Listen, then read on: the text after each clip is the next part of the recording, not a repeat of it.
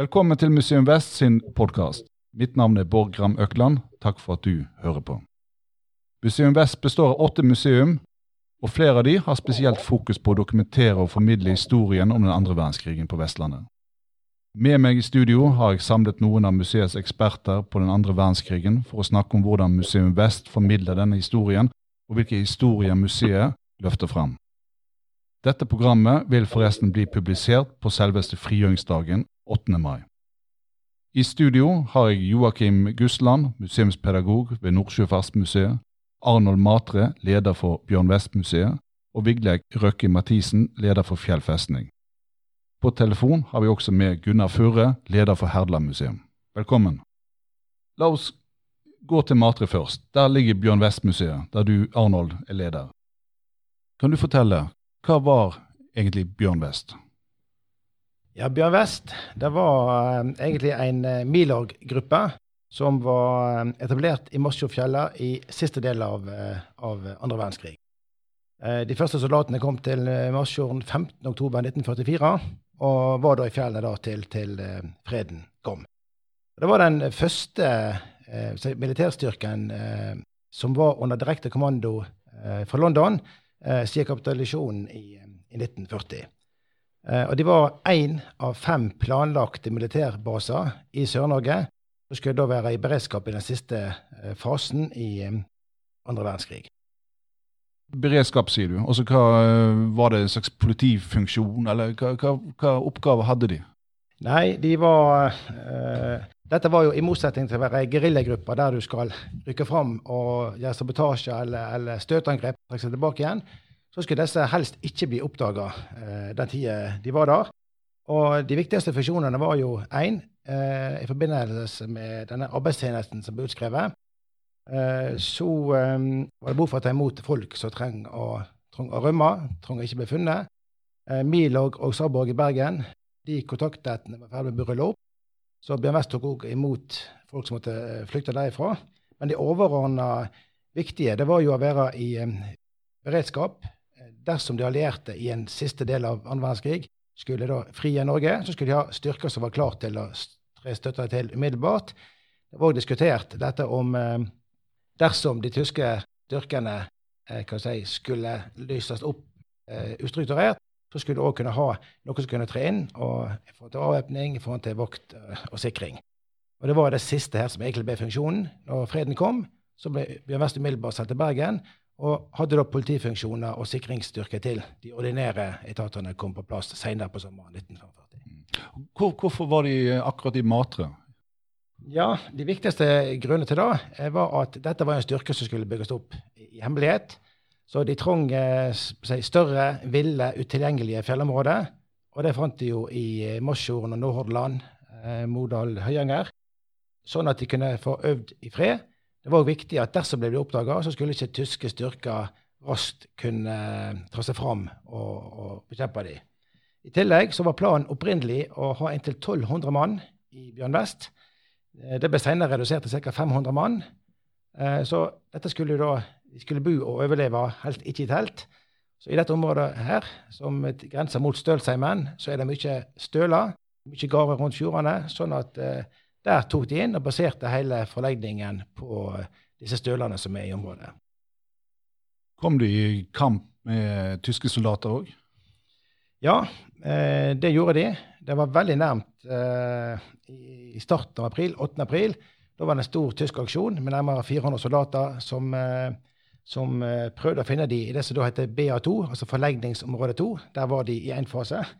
De da evakuerte da inn i Indre Marsjorden Uh, og Der var de fra 8. april til freden. Uh, tyskerne skjønte jo at her foregikk noe, både på bakgrunn av funnet 8. april, på bakgrunn av uh, flyaktivitet, på bakgrunn av etterretning, feildropp. Skjønte de at noe skjedde.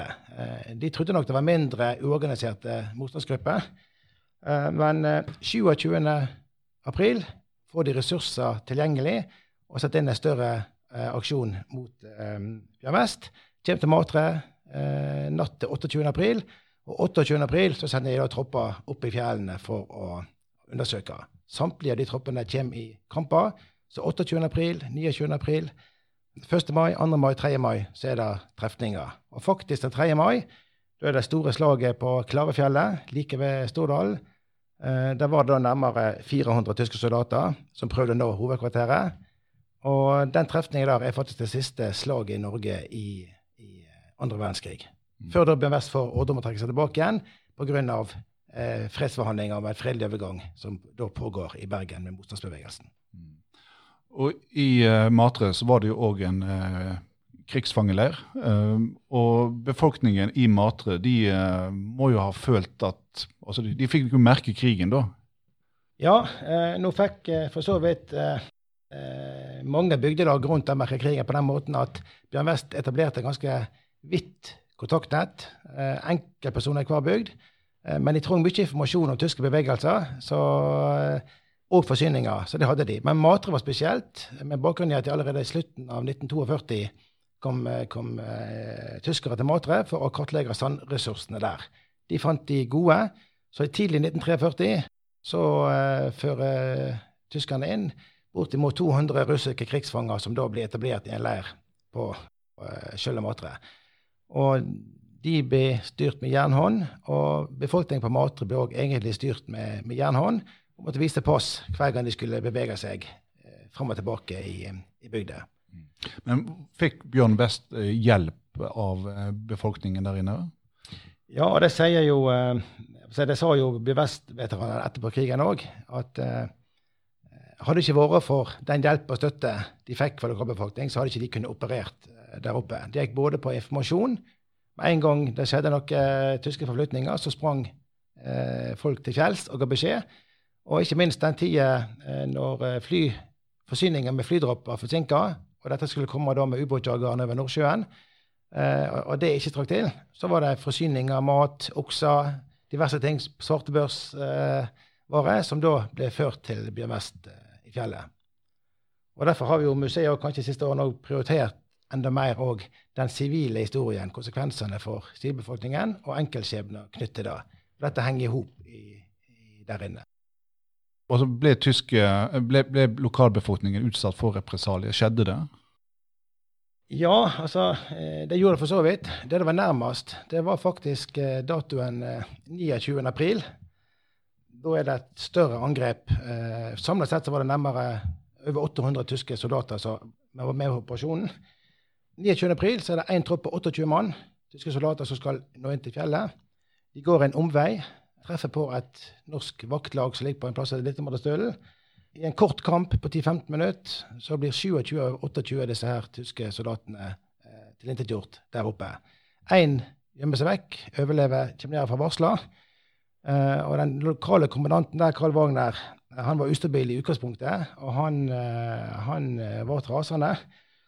Så der arresterer han alle voksne menn. De ble installert i russerleiren. De blir kommandert til fjells for å hente ned de tyske likene. Og får beskjed om at ved det første skudd fra norske folk, altså soldater i fjellet, vil disse bli beskutt. Uh, og han truer med å lage et nytt Televåg uh, av Matre hvis ikke befolkningen sier noe hva som skjer i fjellet. Han begynte jo med å brenne sjøhus, brenne naust, og alle fikk beskjed om å pakke én koffert og være klar til å evakuere. Heldigvis har vi kommet ut i mai. Eh, det er fredsforhandlinger på gang i, Bergen. Og Wagner blir sjøl avsatt de siste dagene, noe som nok redder bygda for represalier. Men alle menn blir sendt til Espeland fangeleir og er der til, til eh, freden kommer. Det er en dramatisk historie her. Og Bjørn West, hva, hva vil du si? Altså, hvilken betydning hadde Bjørn West i det store bildet? Ja, det er jo vanskelig å si. Ja, da. da får jo kanskje historikere si mer enn meg. Men den store militære betydningen hadde de jo selvfølgelig ikke eh, med operasjonen inne i fjellet der. Men eh, kanskje to, to, ting som jeg vil nevne. Det ene er jo at eh, det hadde en funksjon i forhold til at en, en um, skapte motivasjon. En visste at det var kamp på gang, det var motstand. Det ga jo håp og gnist i både de som var med i styrkene, og ellers lokalbefolkning om at en dag så skulle en på en måte holde motstanden oppe, slik at det blir frigjort. Eh, det andre er at selvfølgelig så var det med én brikke i et stort spill med å, å holde de tyske styrkene eh, der, og ikke at ressursene ble sendt inn, eh, sendt inn andre plasser. Ute på Bjørn West-museet, eh, når publikum kommer der, hva kan publikum oppleve? Nei, de kan oppleve eh, Først og fremst kjenne til en plass nå der det er faktisk litt eh, autentisk. Du kan komme på tunet på Vestmuseet. Så er hovedbygget, der som resepsjonen og hovedstillingen er, det var jo vaktkommandørbolig eh, under krigen. Eh, den lokale kommandanten Karl Wagner holdt til der i den siste fasen. Bygdefolk som ble kalt inn til avhør, eh, var inne der. Så at litt følelsen av å være, være der etter et, Stavas. Ellers er det jo en utstilling og, på, på, gjenstander. Eh, og ikke minst en liten fornya utstilling som vi hadde i forbindelse med 75-årsmarkeringen av opprettelsen i fjor og 25-årsjubileet for museet. Så vi håper jo at når folk er derifra, så skal de ha lært litt om lokal og nasjonal krigshistorie. En spennende historie, kanskje en litt underkommunisert historie i forhold til andre motstandsbevegelser rundt om. I tillegg så er det en spennende gjenstandssamling. Eh, alt fra spennende våpen til eh, sko av fiskeskinn, til eh, vesker av papir, til brudekjoler av fallskjermsilke. Og så håper jeg jo at hvis det kommer en gruppe der, så skal vi ha hatt en liten diskusjon på dette med om historien om andre verdenskrig, seier mot nazismen, betyr det noe for oss i dag? Mm. Og igjen der med ungdom og skole, få den diskusjonen at eh, hver generasjon har ansvar for hva verdier de skal bygge et samfunn på. Og Det var jo det kanskje dette handler om egentlig. Hva kjemper de mot, hva kjemper de for? Ja, og det, Dette er jo et tema som vi kanskje kommer inn på eh, litt senere i, i podkasten. Eh, men hvis du går opp i fjellheimen, eh, kan du se støler og, som fremdeles i, var i bruk under krigen? Ja og nei. Eh, I disse dager er det jo 75 år siden, så jeg i forbindelse med Facebook-prosjekt der vi skriver daglige historier Eh, på, om Bjørn Vest, så har jo gått mye i fjellet nå. Og det gjelder stølene, så de som var nærmest, de som Bjørn Vest brukte, de ble brent. Eh, når kampene pågikk da fra 28. april til 3. mai, så måtte jo Bjørn Vest trekke seg tilbake igjen. Etter hvert som tyskerne kom etter dem, så ble støler og fjellgårder eh, brent. Ikke minst der som var hovedkvarter eh, siste måneden. Der Stordal fjellstove ble gården brent, og den 76 år gamle bonden som bodde der Torgeir Stordal ble skutt og drept 5. mai der oppe. Men skal du litt lenger inn i fjellet, så finner du intakte støler, og samtlige plasser der eh, det falt Bjørnvest-soldater, som var seks stykker pluss Torgeir Stordal, er det satt opp minnesmerke, eh, så du kan sitte der ned og se hvor plassene er, og la tankene gå litt tilbake igjen til, eh, til hva som skjedde. Hva kan eh, digitalt, hva kan eh, publikum se og oppleve? Ja, så jeg prøvde å snike inn litt eh, i stad så måtte vi gjøre noe. Så fra med 24.3 så har vi lagt ut daglige historier på Facebook der med tanke på at folk skal kunne følge eh, denne dramatiske tida noenlunde kronologisk eh, på slutten av andre verdenskrig. Og den kampen, det hverdagslivet som BVS-soldatene og lokalbefolkningen hadde der inne. Så jeg håper jo at folk kan gå inn der, blåse tilbake igjen og lese disse stubbene og prøve å danne seg et bilde og kjenne litt på kroppen Eh, at dette er ikke bare, altså krig er ikke bare våpen, det er ikke bare strategi. Det er stort sett enkeltmennesker og enkeltskjebner. Og det gjelder om det er i Norge, eller om det er en annen verdensdel, eller hvor det er. Så er det enkeltskjebner det handler om. Nord for Bergen så har vi også et uh, annet museum i Museum Vest, som eh, får uh, midler bl.a. krigshistorie, nemlig Herdla museum. Og på telefon kan du Gunnar, fortelle litt hvilket sted Herdla var under krigen? Ja, Eh, Herdla var jo, eh, jo ei lita øy som ble veldig sterkt prega gjennom krigsårene. Pga. at her etablerte tyskerne en jagerflyplass. I tillegg eh, hadde de òg et torpedobatteri og et kanonfort på øya. Sånn at hele Herdla ble fullstendig gjennommilitarisert i løpet av de fem krigsårene. Mm. Og her På Herdla så var det jo en et sivilsamfunn sant, før krigen. Og hva, hva, skjedde når tyskerne kom? Jo, eh, altså de, noen, eh, de som bodde ute på Valen der en begynte å bygge flyplass allerede da på sommeren 1940, de måtte reise allerede da.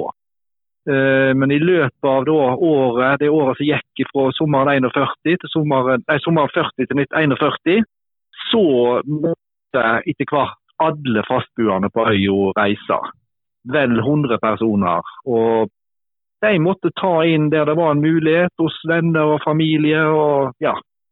Og Herdla, som du var inne på, så var jo Herdla på det tidspunkt et, en, viktig plass. Det var kommunesenter i Herdla kommune. Her var alle offentlige funksjoner samla. Her eh, var jo da som nå eh, kirka, som da dekka stor del av Øygarden. Sånn at dette var veldig dramatisk. Mm. Den flyplassen som ble bygd, um, hva oppgave hadde den sånn militært sett? Eh, altså Hovedproblemet når tyskerne kom og inntok eh, Norge og Bergen altså De, de satser jo på Bergen som er viktig havn, da, både for ubåter og overflatefartøy. Problemet var at de ikke hadde kontroll over luftrommet rundt Bergen. I tillegg til at Bergen lå så nært Storbritannia at den tids fly lett kunne fyke over Nordsjøen og angripe Bergen. Så De tyske admiralene de sa vi må ha en flyplass, og vi må ha det raskt. Og Da var det slik at allerede i mellomkrigstida så hadde norske myndigheter sett etter en plass å etablere en såkalt landflyplass. Eh, det var ulike alternativ, og Herdla var en av dem. Så De tyske myndighetene fikk tak i disse planene og, og enda på Herdla, primært pga. at her var det lettest å bygge ut. Her jo, var i utgangspunktet en svær, flat slette som kunne egne seg. Var det mange uh, tyske soldater og flygere og støttepersonell som var, bodde på Herdla? Ja, altså det, det, varierte jo veldig sånn aktiviteten her i løpet av krigsårene. Men, men, jeg tror ikke jeg tar for hardt i om jeg sier at det var sånn fast mellom 500 og 1000 mann stasjonert her ute. Mm. I tillegg så kom jo da fanger som uh, russerfanger som bidro til oppbyggingen av festningsanleggene. Ja, kan, kan, du si litt, Hvem var som bygget eh, flyplassen? Ja, altså det, det, det var jo um, altså Arbeidet ble ledet av det som het organisasjon TOT, som var den tyske entreprenørorganisasjonen. Og De engasjerte da ulike norske firmaer til å bidra i arbeidet. Eh, Stolz Røtting var jo faktisk hovedentreprenør på flyplassen på Herdla. Eh, og arbeidere, det var det nok noen som ble tvangsutskrevne. Andre eh, arbeider nok frivillig her ute. Det var jo Tyskerne var kjent for å lønne godt, og folk trong ei, eh, ei inntekt. Så, så, veldig mye norske ressurser er involvert her ute. Så det var en del eh, bedrifter eller næringslivsfolk som på en måte tjente penger på eh, tyske oppdrag? Jeg, jeg, var nylig på Riksarkivet nå og så eh, litt i disse Tott-arkivene. og Der var jo veldig mange bergensfirma som fremdeles eksisterer, som var tungt involvert her på Herdla. Ja. Og jeg vet jo at eh, de besøkende og så kan jo bl.a. se eh, et stort, eh, altså et originalt eh, fly fra krigen eh, på museet. Eh, ja. Det såkalte Gul 16-flyet. Hva, hva, er bakgrunnen for det funnet der? Nei, altså det, det flyet der, det var jo stasjonert her på Herdla 1943 ble det sendt ut på et oppdrag i forbindelse med at noen britiske fly angrep tyske skip litt lenger nord på kysten. Eh, Gul 16 det hadde uflaks den dagen, eller det var i hvert fall noe galt med motoren. sånn at det piloten nødlanda det flyet på sjøen eh, ut, for, ut med Turøy. Mellom Misje og Turøy. Eh, og så da I 2005 så begynte vi liksom å hadde hørt om dette flyet og begynte å snakke med lokalbefolkningen Forsvaret til å foreta et søk. Og Da ble det funnet i mai 2005, lokalisert. Uh, og Året etter ble det heva, og etter hvert så kom det ut her til Herdla. Og I dag så er jo uh, Gul 16 hoveddatasjonen vår. Mm. Og Dere har jo òg satt dette flyet inn i en si, større historisk sammenheng med modeller av andre fly som var stasjonert på, på Herdla? Ja, vi prøver å fortelle om flyplassens rolle, hva type fly som var stasjonert her ute. Og det var jo sånn at uh, Aktiviteten her var i perioder relativt stor. Spesielt faktisk allerede, Vi snakker jo nå om frigjøringen. og eh, altså sist, aller siste fase av andre verdenskrig var den mest hektiske perioden her ute, våren 1945. Da hadde du flere store luftslag på vestlandskysten. Eh, Bl.a. det såkalte svarte fredagen over Sunnfjord den 9. februar 45. Når de allierte gikk på et, et nederlag der oppe. Du hadde òg flere andre større og mindre slag i, langs vestlandskysten i den perioden. Publikum eller besøkende som kommer til Herdla i dag, kan de se spor i landskapet eh, fra flyplassen? Det kan de absolutt. Altså Den store sletta eh, eh, Bygningene er i stor grad vekke. Det står noen grunner og en sånn stor sånn uh, splintboks. Uh, ellers ligger taksebanene der fremdeles. Rullebanene på Herdla de var jo laga av treplank. og Den ble jo fjerna etter krigen, så akkurat den biten er vekke. Men, men, det var jo ikke bare en flyplass. altså Du hadde jo alt et stort system rundt flyplassen med luftvern, nærforsvar osv. Så, videre. så kan vel si det sånn at nesten hvor du trør på Herdla, eller er på Herdla, så finner du spor fra andre verdenskrig. Rester etter bunkerser, løpegraver osv. Det er jo eh, dere, eller dere formidler jo òg Kystforsvaret sin historie. Eh, hvordan gjør dere det? Eh, jo, det gjør vi jo primært å vise folk rundt i torpedobatteriet på Herdla. Altså, dette er jo det samme torpedobatteriet som tyskerne bygde på tampen av andre verdenskrig. Det ble overtatt av Forsvaret i Norge etter krigen, og de holdt operativt gjennom hele etterkrigstiden. Og så da Helt på tampen eh, av eh, kan si, kystartilleriets historie, fra slutten av 80-tallet til midten av 90-tallet så ble Herdla sammen med noen få andre anlegg fullstendig moderniserte. Sånn at anlegget ble tipp topp moderne, og så var det i drift i fem år ca. Og så ble det avvikla. Og ganske snart etterpå så ble hele våpengreina kystartilleriet avvikla. Og I den forbindelse så kom Riksantikvaren inn i bildet og stilte krav til Forsvaret om å ta vare på noen representative anlegg fra den kalde krigen. Ja, så dere forteller, jeg... Eh, dere forteller jo òg historien om den kalde krigen òg, på eh, museet? Det gjør vi. Det, gjør vi. Dette er jo, det er jo litt sånn paradoksalt. Vi forteller historien om den kalde krigen, men egentlig så var jo ikke anlegget ferdig modernisert før den kalde krigen var over for de besøkende så det er ikke bare andre verdenskrig og krigshistorie de, de kan oppleve på museet? Nei, altså vi heter jo Herdla museum, og vi skal fortelle Herdlas historie. Og fortelle også om naturen her ute, som er jo så veldig spesiell. Ikke minst om fuglelivet, som er, som er jo er veldig rikt på Herdla. Hvordan kan sånn man oppleve det? Ja, det kan en altså, Vi tenker litt som museet som en plass der en kan få informasjon og inspirasjon. Og så kan en da gå rundt på øya og oppleve på en måte uh, the real thing. Vi ønsker ikke å flytte på en måte Herdla inn i montrene, men, men, uh, men gi folk uh, gode tips. Og så kan de da, enten de er interessert i fugler, gå inn i fugleområdet, er de interessert i krigshistorie, kan de gå andre plasser. Og vil de interessert i forsvarshistorie, så kan de besøke torpedobatteriet. Mm. Så det er på en måte en helhet her med natur og landskap og historie og museum? Ja, og vi har jo på en måte det, Museene ble jo etablert, det fyller jo faktisk 25 år i år. Og ble jo etablert mer eller mindre som et rent sånn krigsmuseum knytta til historien og flyplassen rundt, altså den biten der. Og så Etter hvert da, så har han på en måte tatt inn stadig nye temaer. Men, men andre verdenskrig vil eh, og skal alltid være en viktig del av museet sin presentasjon. Vest for Bergen så ligger Fjell festning med en fantastisk utsikt over eh, kysten. Og Festningen er jo ikke bare et fint sted å gå på tur, det er òg et sted med krigshistorie. Hva er krigshistorien om Fjell festning?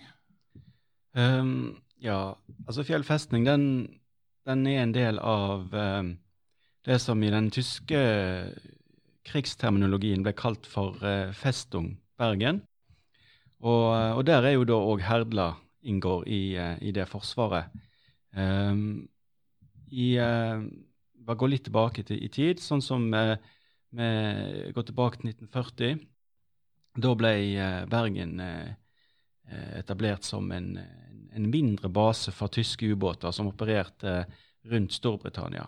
Og eh, fra 1942 så, eh, så ble da den 11. ubåtflotiljen eh, fast plassert i Bergen. og eh, Bergens rolle som eh, marineby økte veldig, og det var jo det Gunnar var inne på eh, nettopp. For å forsvare denne viktige basen så hadde en jo da selvfølgelig flyplassen på Herda, som Gunnar nå nevnte. Men i tillegg så måtte den òg eh, sørge for at denne viktige, strategisk viktige havnen eh, ble forsvart mot angrep eh, over sjøen. Og Det er i den forbindelse at Fjell festning da blir etablert. Um, en kom i gang et par år seinere enn ute på Herdla. En begynner å bygge uh, i 1942. Uh, og um, det ser ut til at en uh, ganske raskt kom i gang. Um, en fikk etablert en, en byggeorganisasjon gjennom organisasjonen TOT, dette entreprenørorganisasjonen som tyskerne hadde. Um, og mer spesifikt så fikk en oppretta i Norge og Danmark en underavdeling som ble kalt Einsatzgruppe Viking, og de fikk eh, hovedkvarter i Oslo. Eh, og de etablerte seg i april i 42.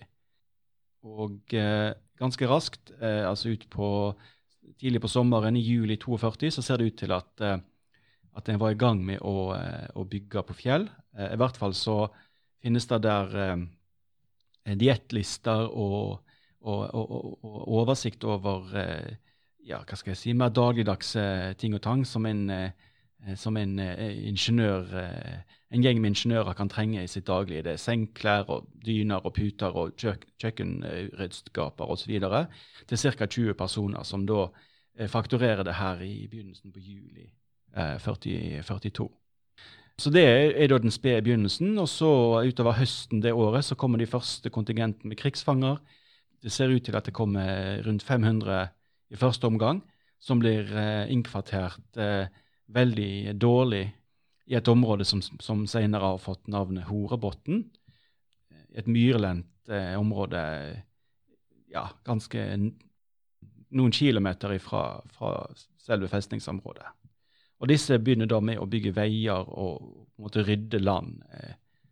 Og Så går byggeaktiviteten i, eh, ganske raskt framover. da, eh, sommeren året etterpå, i juli, så er den store hovedkanonen klar til, til avfyring og blir testavfyrt. Og så fortsetter en da å bygge egentlig hele veien fram til krigsavslutningen i, i, i mai 1945. Du sa havkanon. Altså, hvor, hvor, stor rekkevidde var det på, en, på kanonene på festningen?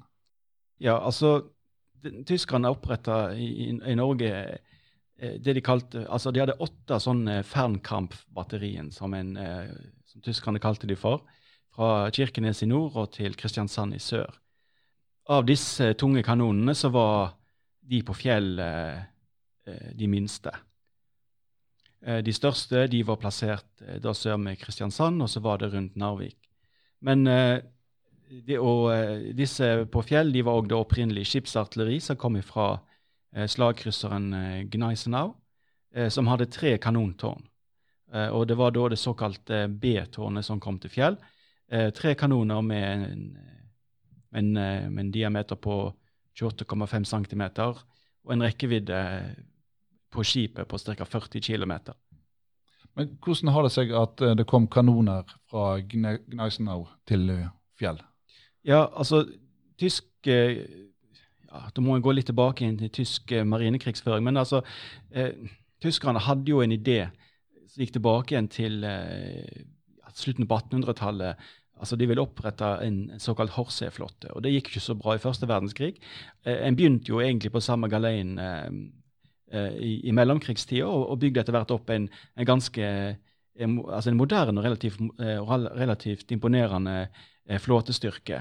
Eh, noen av disse eh, skipene har jo gått inn og blitt litt sånn ikoniske. Bismarck, eh, Tirpitz selvfølgelig, og, og Blücher, som, som, veldig mange kjenner til. Men den, det fantes òg en Mellom disse så fantes det da det som tyskerne kalte for eh, eh, Eller britene kalte for pocket battleships, altså mindre, mindre slagskip. Nå viser det seg det at det gikk ikke så mye bedre for tyskernes overflateskip i andre verdenskrig. og eh, Gneisenau ble stort sett liggende til havnen nede i, i, i Brest i, i, Frankrike. Og i 42 så ble det beslutta å ta skipet opp til, til Wilhelmshaven i, Tyskland.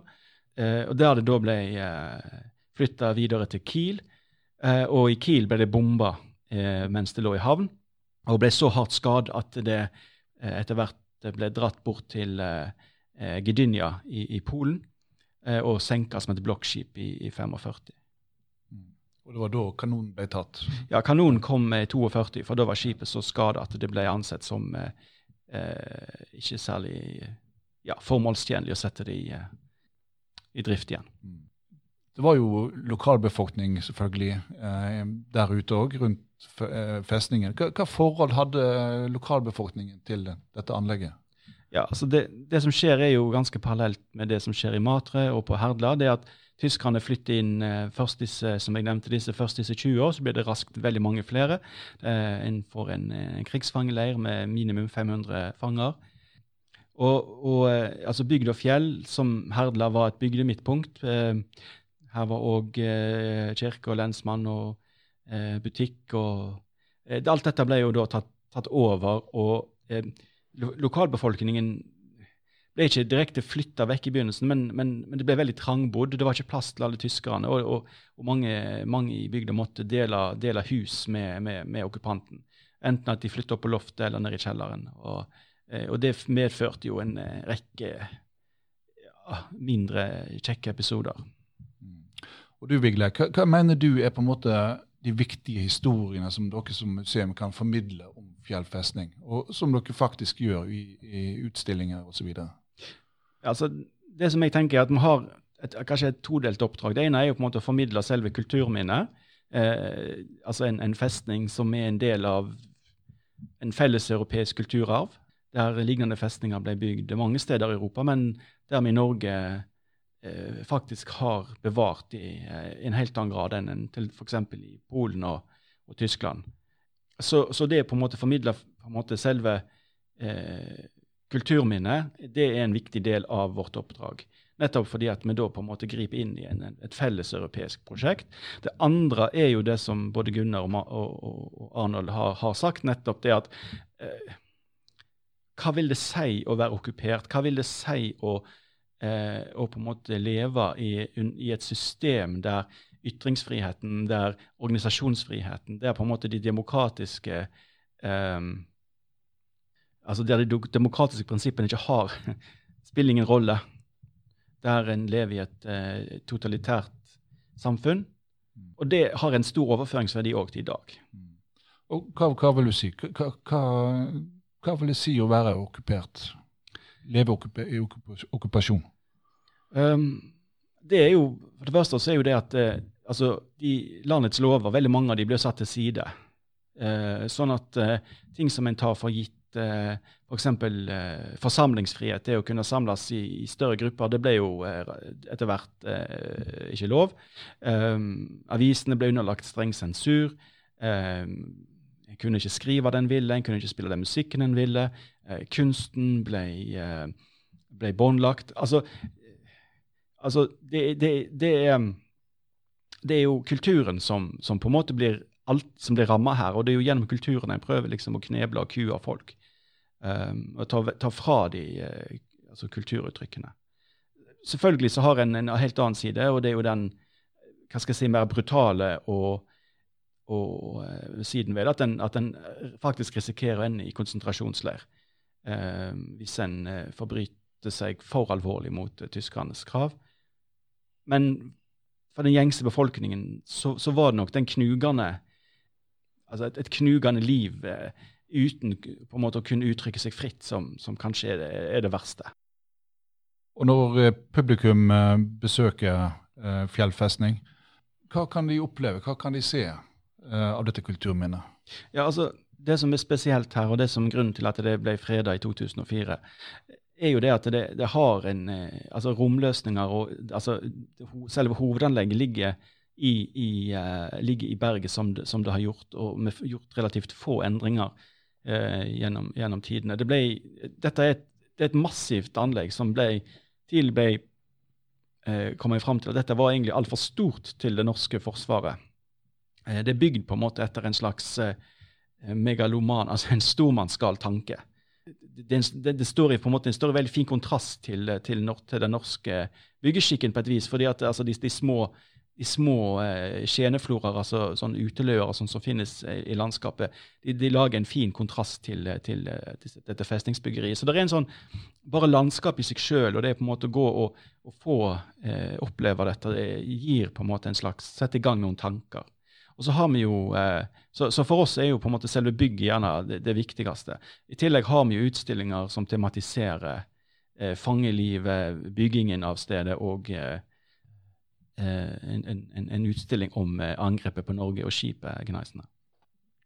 Du har jo laget en app som besøkende kan laste ned og bruke, og bruke som en guide til å oppleve landskapet.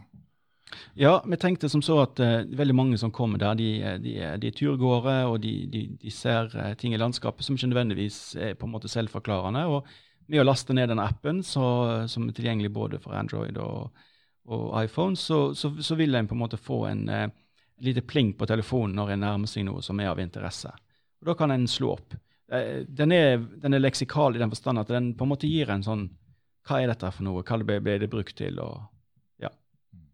Jeg vil jo bare oppfordre folk til å komme og, altså, på besøk. Det er et stort, og, eh, stort område. Her kan en ferdes relativt eh, fritt.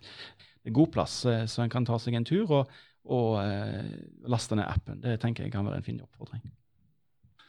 Vest for Bergen så har vi også Nordsjøfartsmuseet, som ligger vakkert til i Telavåg.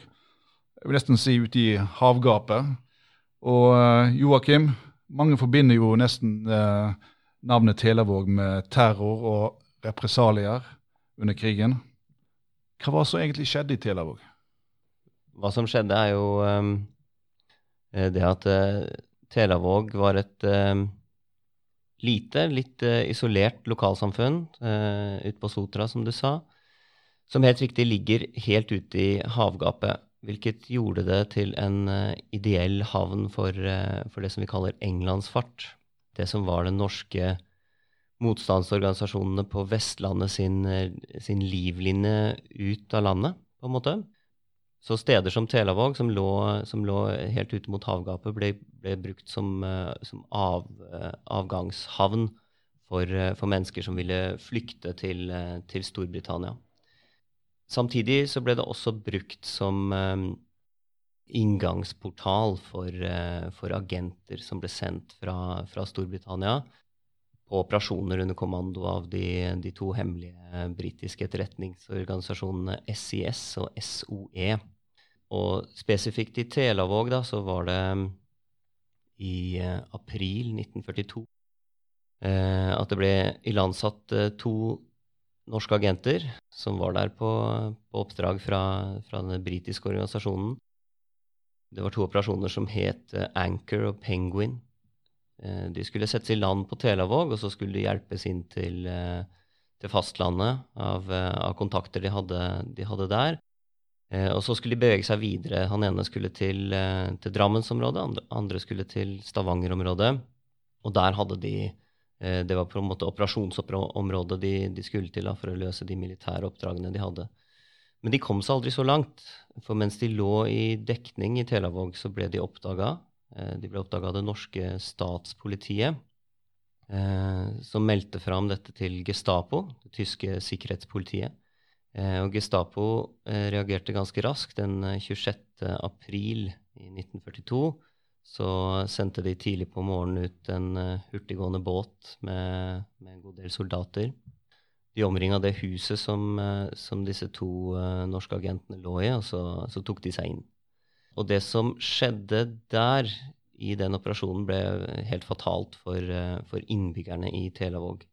Hva tyskerne forventa å finne i huset, det, det er litt usikkert. Men uh, mye tyder på at de, at de ikke forsto at dette var uh, soldater, de to, de to, agentene som var der. De hadde trent med Kompani Linge i, i Storbritannia. De var bevæpna. De var en del av, um, av den organisasjonen Special Operations Executive, som var, som var, på en måte foregangsbildet for det vi det vi i dag kaller spesialstyrker. Så disse mennene de var trent i, i, nærkamp, de var trent i å reagere raskt. Eh, og de hadde, de hadde, på en måte et credo om å, om å skyte først og, og stille spørsmål seinere, for å si det litt eh, sånn eh, på cowboyspråket. Det var akkurat det de gjorde. Da tyskerne tok seg inn i huset der de lå, så, så oppsto det en, eh, en, en skuddkamp mellom, uh, mellom, de norske agentene og de, uh, de tyske Gestapo-offiserene som tok seg inn.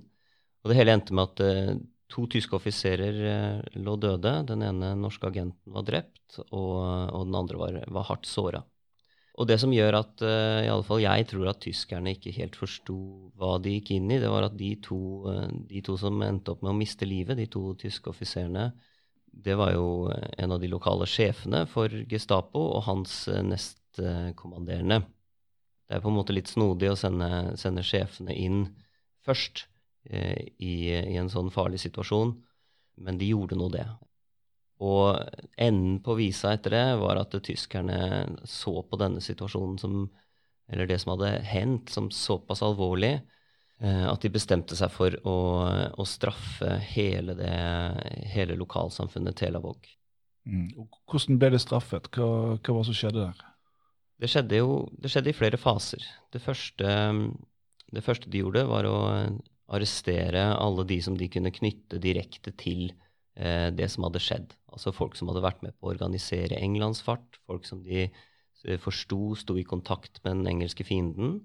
Eh, de ble tatt til Bergen, til eh, Gestapo-hovedkvarteret der, og, eh, og avhørt og, og torturert. Men de stoppa ikke med det. De, de bestemte seg i løpet av dagene 26.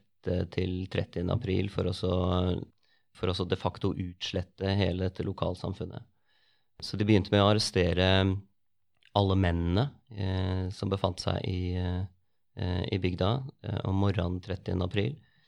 Stengte dem inne i, ei løe som de, som de pakka full med dynamitt. Og så tok de disse mennene til slutt opp på en haug, og så, så begynte de å, å, ødelegge hele bygda. I første omgang sprengte de tre hus eh, som var knytta til, eh, til, denne englandsfarten. Og så, og så, marsjerte de alle mennene om bord på, på, båter og sendte dem til, eh, til Bergen. Eh, og seinere ble de da sendt til konsentrasjonsleirer i, i, Tyskland, for det meste Sachsenhausen. Det var 72 av dem Eh, og, og, 31 eh, av mennene fra Telavåg døde i fangenskap. Da. De stoppa jo ikke med det. Tyskerne fortsatte med å arrestere kvinner og barn og de eldre som var igjen i, eh, i bygda. Og de ble også sendt bort og internert i, først på Storetveit skole, som ligger på Paradis i Bergen, og så seinere sendt til, til, Framnes, som er i, i Hardanger. Og så ødela de deretter hele bygda.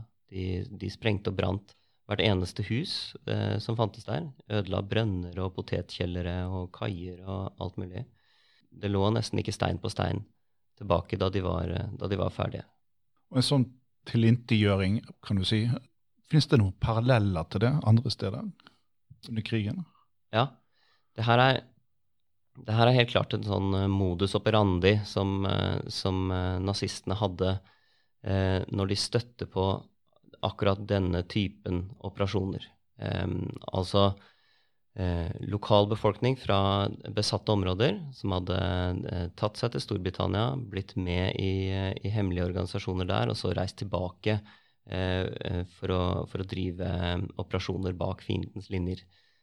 Til dels så, så tyskerne på dette som ulovlig partisanvirksomhet. Altså um, ulovlig krigføring, som de derfor kunne uh, straffe hardt.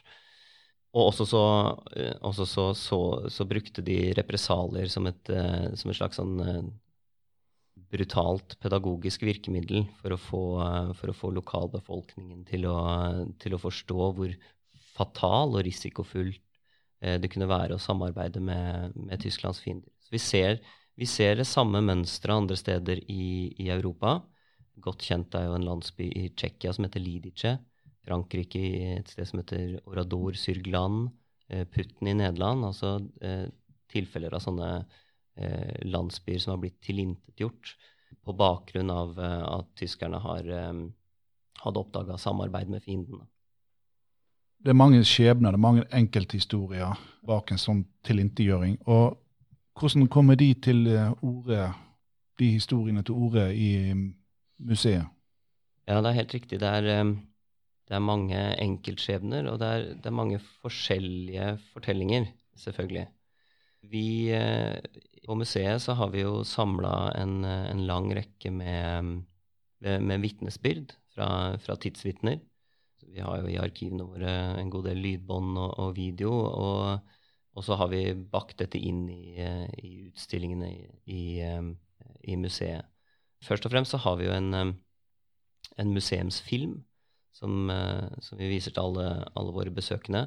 Den fornyes forresten i, i disse dager. Så vi, vi, skal Vi hadde før dette koronautbruddet planlagt en, en svær premiere 8. mai med en, eh, med en ny museumsfilm hvor, eh, hvor, man vil møte tidsvitner fra, fra denne Telavåg-aksjonen eh, som var barn da, da dette skjedde. Og de som, de som, var barn da det skjedde, det er jo de som er gjenlevende nå.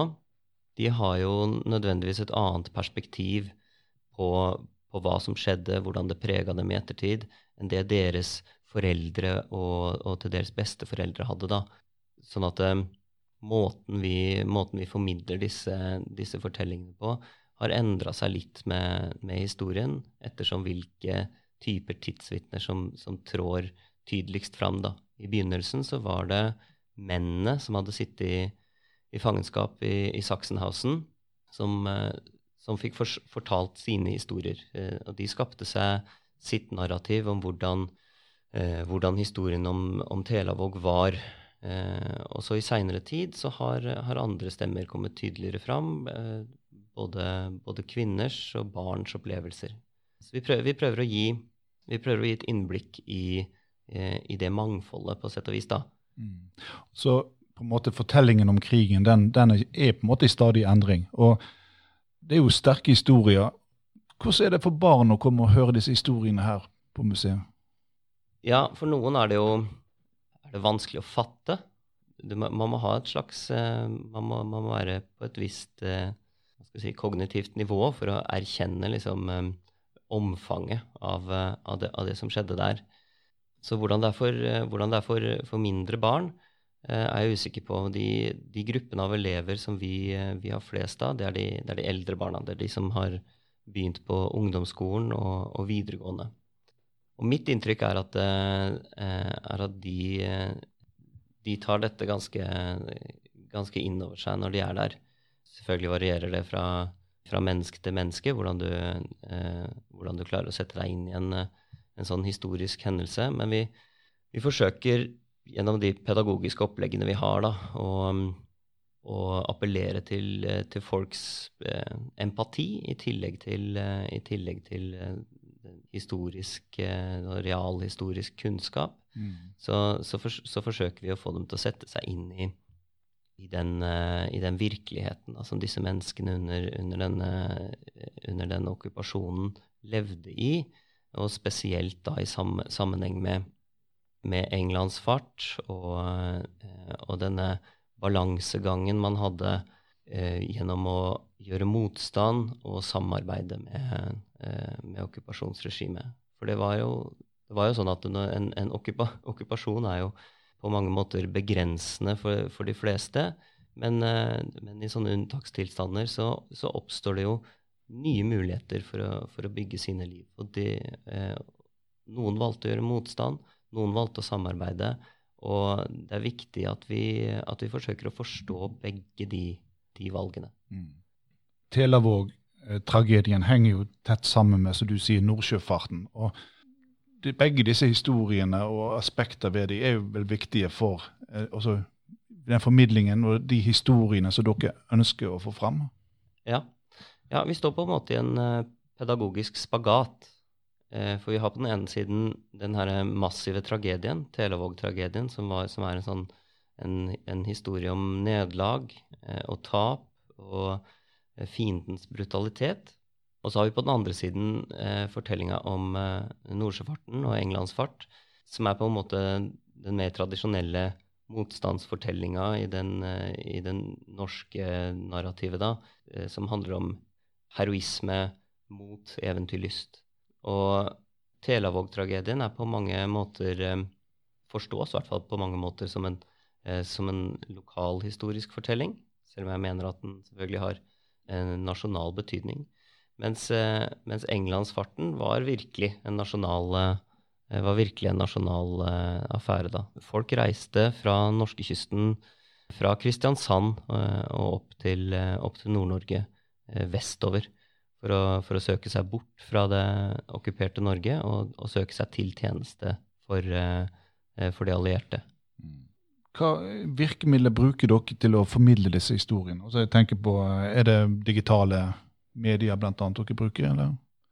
Ja, vi har, vi har opp gjennom um, tida utvikla forskjellige, forskjellige, ting. Vi har, um, som, som, jeg har nevnt, så har vi jo en, en, film som per nå så må man jo på museet for å se den, men, um, men uh, vi har også produsert en, en app som handler om, om Telavåg-tragedien, og, og, forsøker å sette den i, i tilknytning til, eh, til, Englandsfarten, hvor vi presenterer både eh, hendelsesrekkefølgen eh, i de her skjebnesvangre aprildagene, og, eh, og, og, forteller det gjennom eh, tidsvitneintervju.